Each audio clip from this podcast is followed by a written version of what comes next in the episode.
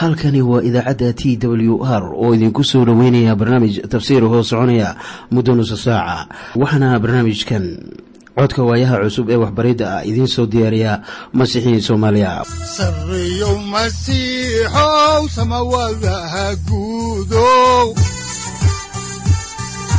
Siraadkii adduunkow subanaha eebow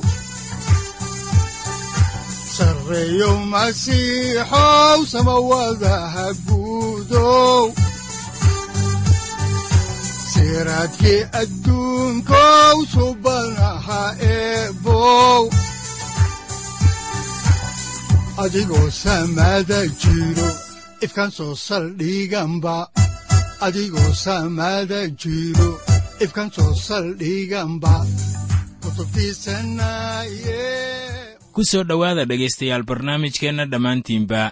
Waxaan horay u sii ambaqaadi doonnaa daraasaadkii la magac baxay baibalka dhammaantii.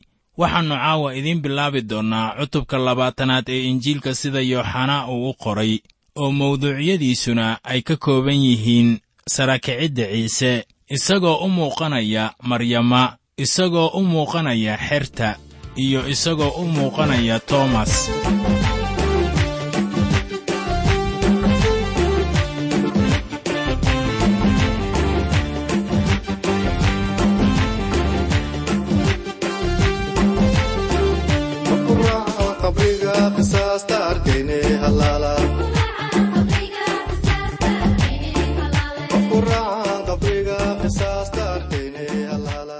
markii noogu dambaysay waxay inoo joogtay ciise masiix oo iilka la dhigay. Waxaanan aragnay in yuusufkii reer aramitaya uu ciise siiyey meel lagu aaso. Waxaan kaloo aragnay in dumarkii ciise la socon jirayna ay soo qaseen alaabo lagu carfiyo jidhka ciise marka qabriga la gelinayo.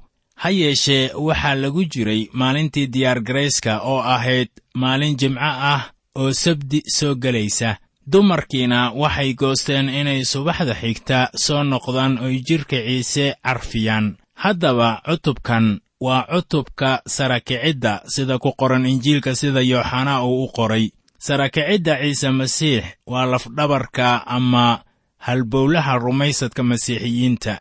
Waa wax muhiim ah taasoo qaarkeen ay la noqonayso in dhimashada ciise masiix dadku ay wax badan ka wacdiyaan laakiin ayaan innaba sarakicidda masiixa ayaan wax badan ka odhan. Taasina waa wax aynu maanta wada aragno. Kutubta cilmiga diinta kuwa qhasiidooyinka kiniisadda iyo khudbadaha waxay wax badan ka hadlaan dhimashada masiixa.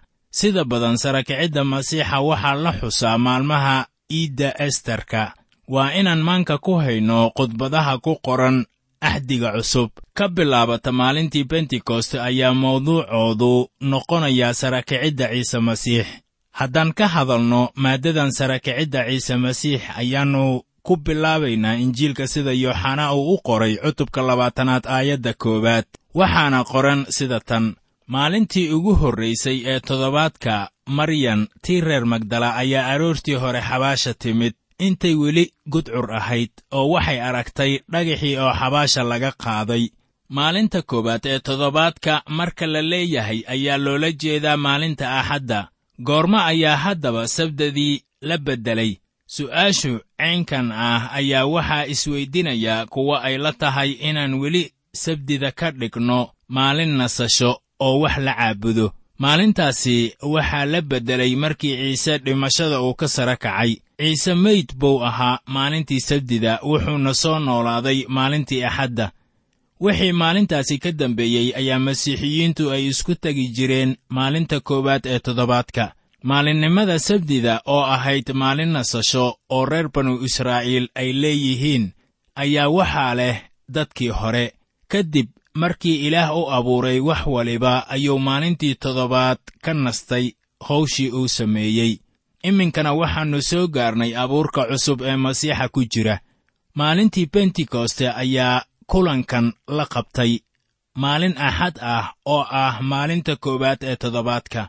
Waana wax xiise leh in yooxanaa oo ah kan ugu dambeeya qorayaasha injiilada uu adkaynayo inay ahayd maalinta koowaad ee toddobaadka markii ciise uu ka sara kacay dhimashada.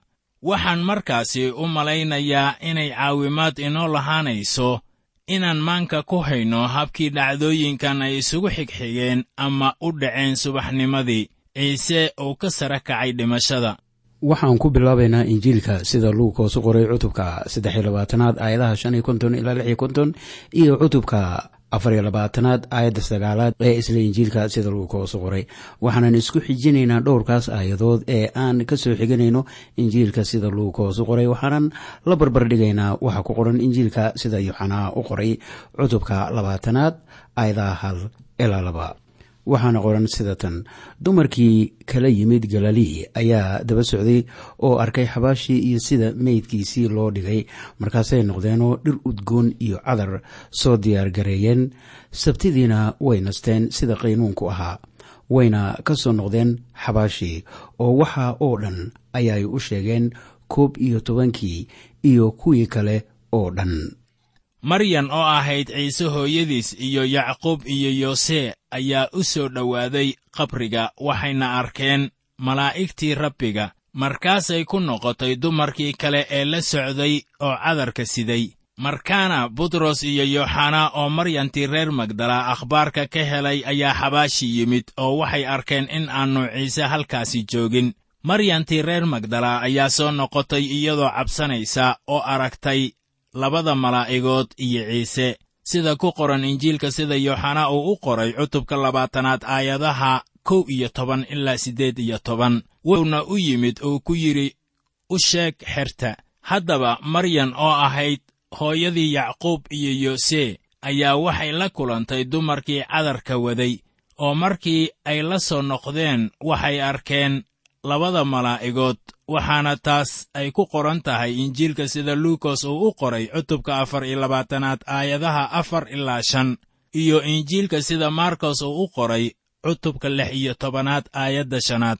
Haddaba injiilka sida matayos uu u qoray cutubka siddeed iyo labaatanaad aayadaha siddeed ilaa toban ayaa leh dhoqsaba waxay xabaashii kala tageen bakdin iyo farxad weyn oo waxay u ordeen inay xertiisii u warramaan kolkaasaa ciise oo ka hor yimid oo ku yidhi nabad markaasay u dhowaadeen oo intay cagihiisa qabteen ayay caabudeen. Markaasaa ciise wuxuu ku yidhi habaqina taga oo walaalahay u sheega inay galiilii tagaan oo halkaasay igu arki doonaan.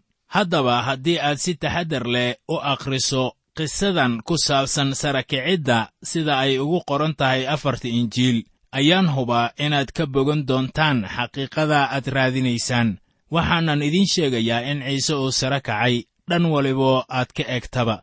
Maryantii reer magdala waxay ahayd tii sayidku uu ka saaray toddobada jinni. Qaar ka mid ah ardayda baibalka ayaa ay la tahay inay ahayd naag dembi badan taasoo haddana timaheeda ku tirtirtay cagaha sayidka. Haddaba inay dembi lahayd ayaa dadku ay iska malaynayaan laakiin ma ahan wax hubaal loo hayo waxaanse anigu leeyahay waxay ahayd qof damiir sare lahaa. Waxaanay had iyo goorba sayidka kaga mahad celin jirtay toddobadii jinni ee uu ka saaray. Markii ay aragtay in jidhkii ciise aannu halkaasi oolin ayay isla markiiba soo oroday oo yooxana iyo butros ay u soo sheegtay. Haddaan halkaasi idinka sii wadno injiilka sida yooxana uu u qoray cutubka labaatanaad ayaannu eegaynaa aayadda labaad waxaa qoran sida tan. Sidaas daraaddeed way oroday oo ay u tagtay simon butros iyo kii kale oo xerta ahaa oo ciise uu jeclaa. Waxayna ku tidhi sayidkii ayay xabaashii kala baxeen oo garan mayno meeshay dhigeen. Marka la leeyahay oo xerta ahaa oo ciise uu jeclaa ayaa loola jeedaa yooxanaa wuxuu had iyo goorba uu isagu u muuqday ama jeclaa inuu isagu yeedho kii ciise jeclaa intii loogu yeedhi lahaa yooxanaa mid kasta oo ka mid ah xertii ciise waxaan ka ahayn yudas ayaa ciise uu jeclaa adiguba waad odhan kartaa ciise waa i jecel yahay.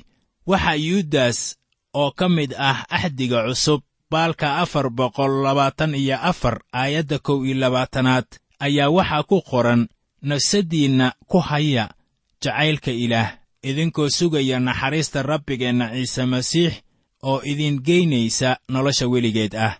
Haddaba waxaan idinku leeyahay nafsaddiinna ku haya jacaylka ilaah waayo waxaad garanaysaan inuu idin jecel yahay. Welibana inuu idin jeclaado ma ahan wax qof uu istaajin karo waana wax wanaagsan in la qaato jegada ah inaad nafsaddaada ku hayso jacaylka ilaah sidii yooxanaa oo kale.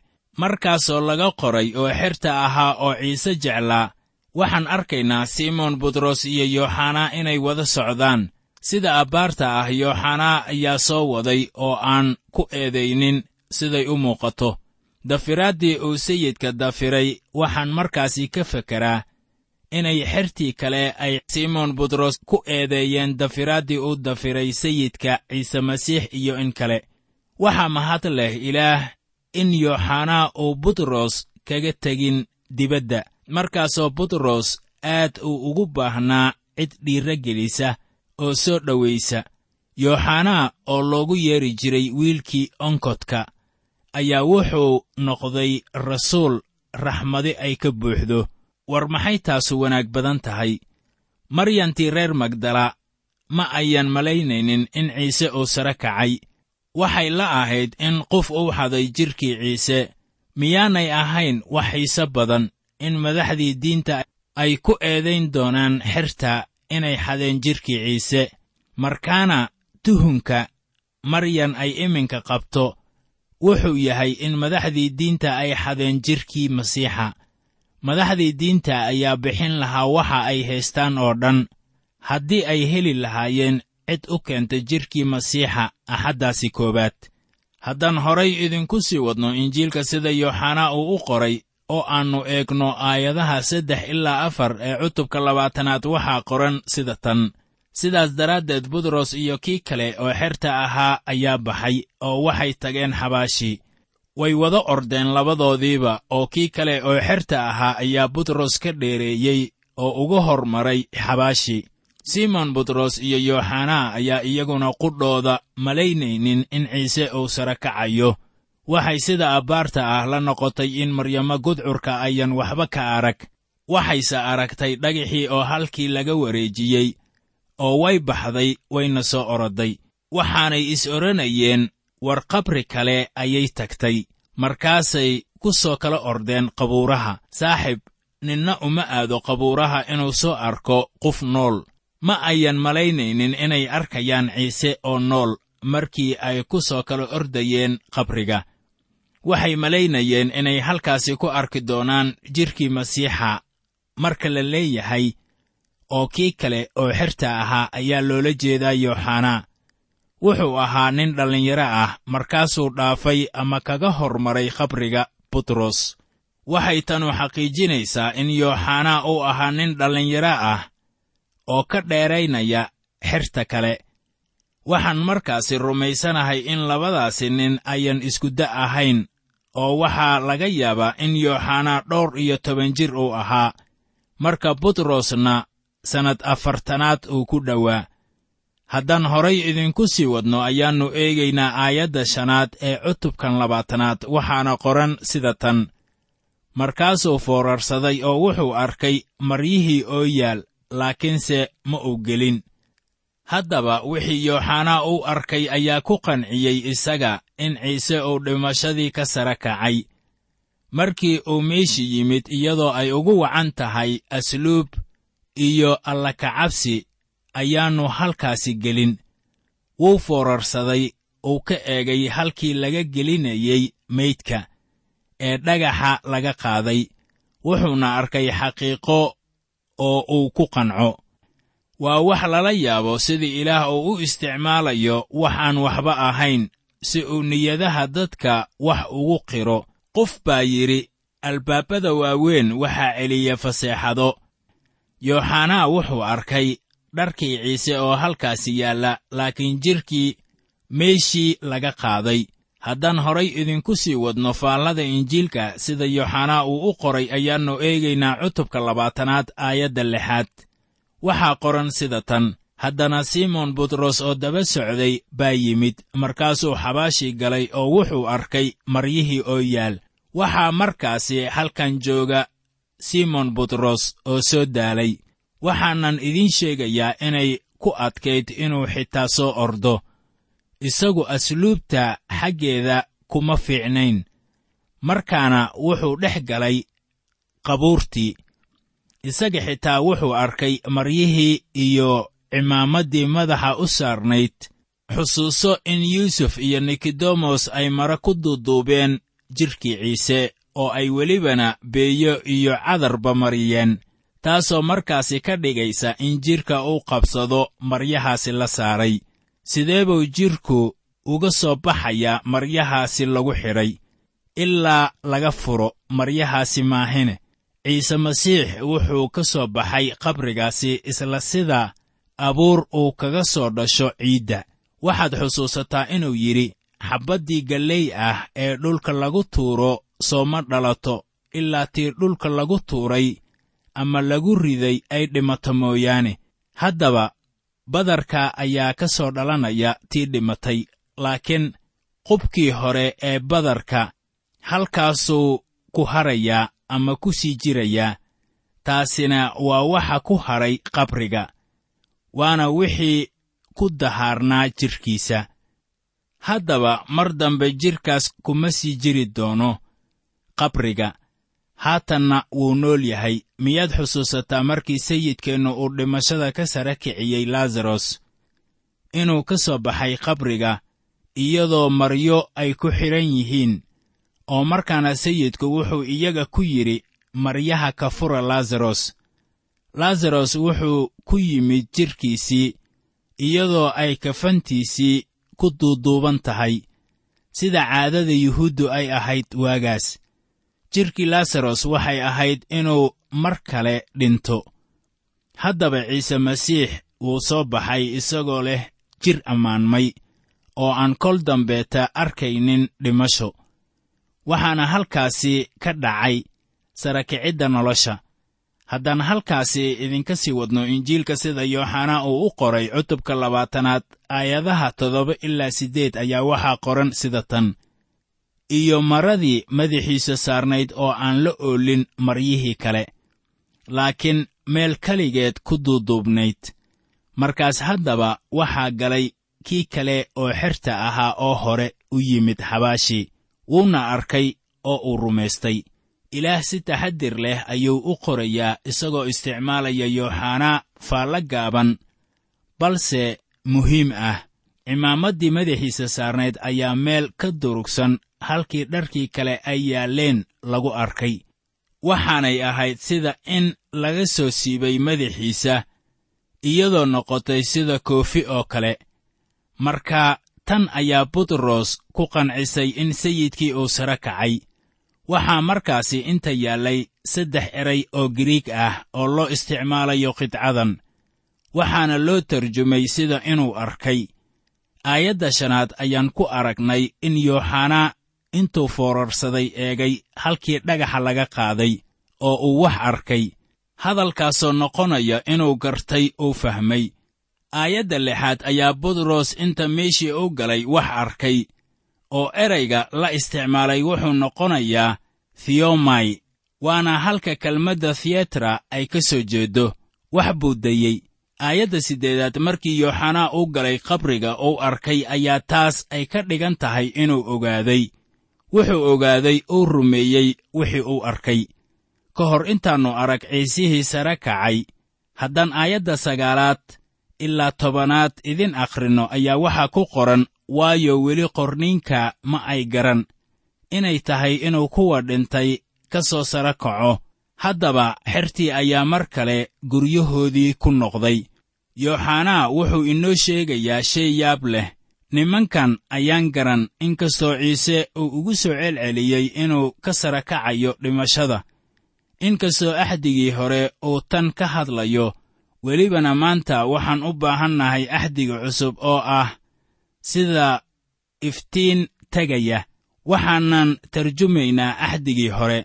Waxaan rumaysanahay in mid ka mid ah asbaabaha axdigii hore aannu caan u ahayn inay ugu wacan tahay innaga oo aan si waxtar leh u isticmaali karin axdiga cusub markaannu fasirayno.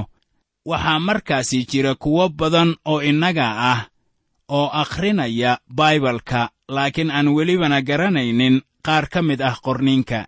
Waxaan rumaysanahay inay jirto laba asbaab oo aynu taasi ku horumarinayno. Waxaana weeye innagoo hal qidca akhrinayna dhowr jeer oo mar kastana arkayna waxyaabo qidcada ku jira oo aynan horay u arag. Ruuxa quduuska ah ayaa sii iftiininaya fahamkeenna marka aynu baranayno oon akhriyayno qidcada dhowr jeer. Taasuna faa'iido ayay leedahay. Waxaan kaloo rumaysanahay inaan khibrad ka helayno qorniinka si aynu u garanno macaaniga ka dambeeya. Mixnooyinka iyo sileca iyo khibradaha nolosha ayaa sharaxaya macaaniga ka dambeeya aayadaha.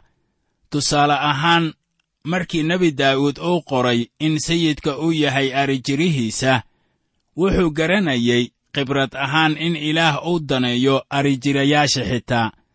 Haatanna waxaynu eegaynaa muuqaalkii ay aragtay maryama. Sida abbaarta ah maryamo ayaa noqotay qofkii koowaad ee uu sayidku u muuqday. Waxaa markaasi jira kow iyo toban goor oo la arkay sayidka intaannu samada aadin saddex goor oo kalena waxaa la arkay kadib markii uu samada aaday. Waxaan u malaynaynaa inaan ku soo koobayno qisada inay jiraan muuqaallo kale oo aan la sharrixin.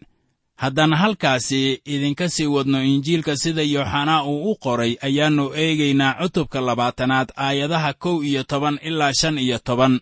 Waxaana qoran sida tan laakiin maryan ayaa xabaashii dibaddeeda taagneed iyadoo ooyeysa. Haddaba intay ooyeysay bay xabaashii ku foorarsatay waxayna aragtay laba malaa'igood oo dhar cadcad xidhan oo fadhiya meesha maydka ciise uu ooli jiray.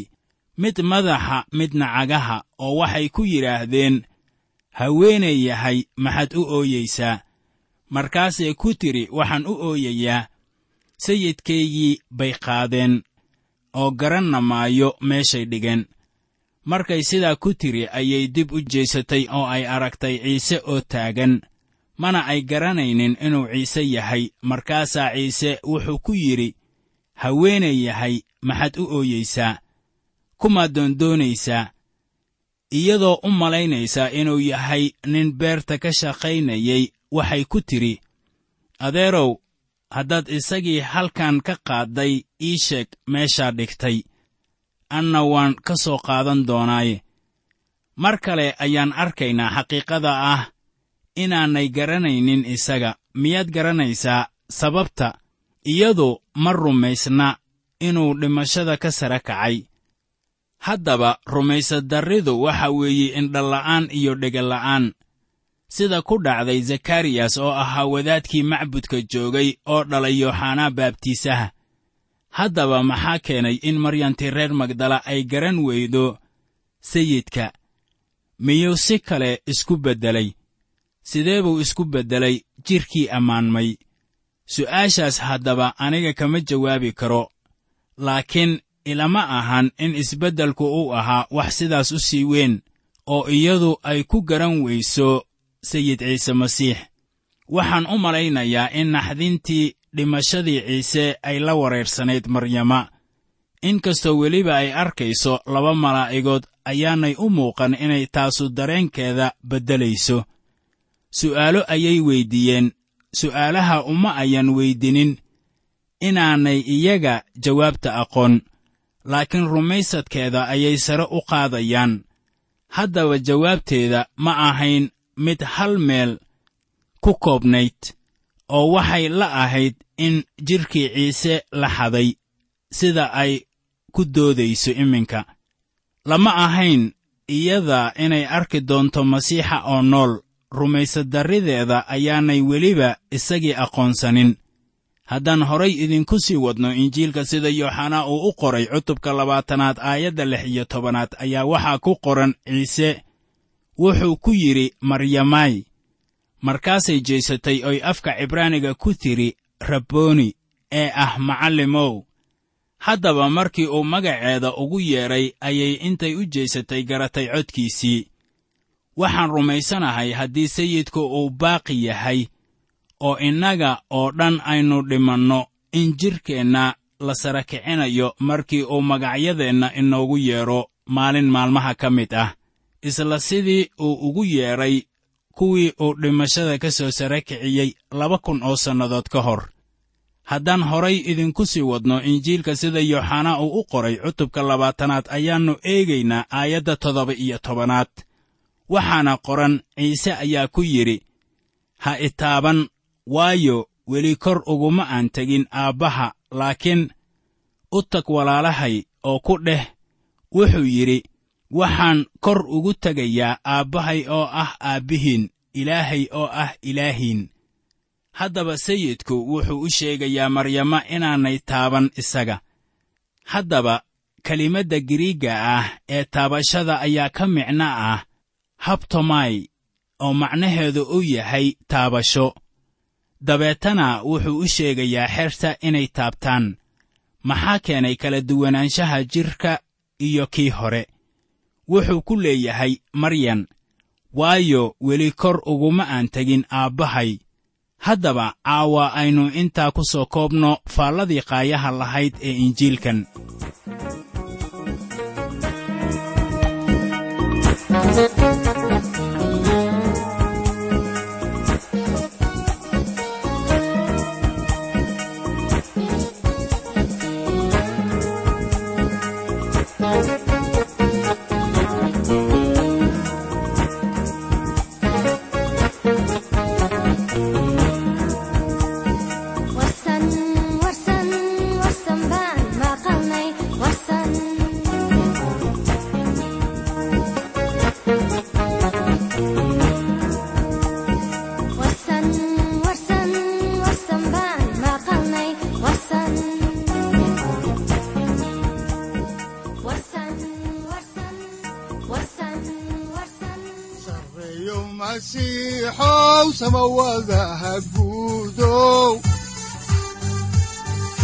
siraadkii adduunkow subanaha eebow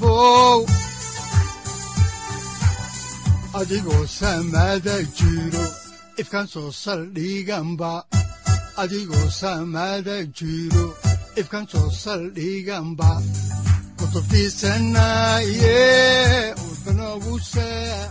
halkani waa t w r idaacadda t w r oo idinku leh ilaa ha idin barakeeyo oo ha idinku anfaco wixii aad caawi ka maqasheen barnaamijka. Waxaa barnaamijkan oo kalea aad ka maqli doontaan habeen dambe hadahan oo kale haddiise aad doonaysaan in aad fikirkiina ka dhiibataan wixii aad caawi maqasheen ayaad nagala soo xiriiri kartaan som t w r at t w r c o k e haddii aad doonaysaan in aad dejiisataan oo kaydsataan barnaamijka ama aad mar kale dhegaysataan fadlan mar kale booqo www t w r o r g. Amase www t t b t w r o r g. Amase waxaad teleefoonkaaga ku kaydsataa ama ku download garaysataa agabyada ku sahli karaa dhegeysiga t w r haddii aad doonayso in laga kaalmeeyo dhinacyada fahamka kitaabka amase aad u baahan tahay duco fadlan fariimahaaga soo mari bogga aaraahda ama kommentska inana jawaab degdeg ah ayaanu ku soo diri doonaa amase ku siin doonaaye.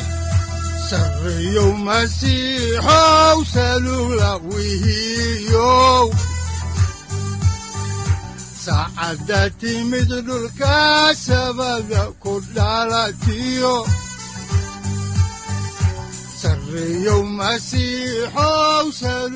halkani waa t w r oo idiin rajaynaya habeen baraare iyo barwaaqaba leh. Inta aynu ka gaari doono wakhti aynu ku kulanno barnaamij la mida kan caawayay aad maqasheen. Waxa aan idinku leeyahay nabadda ciise masiix ha idinku badato xagga jidhka iyo ruuxaba. Aamiin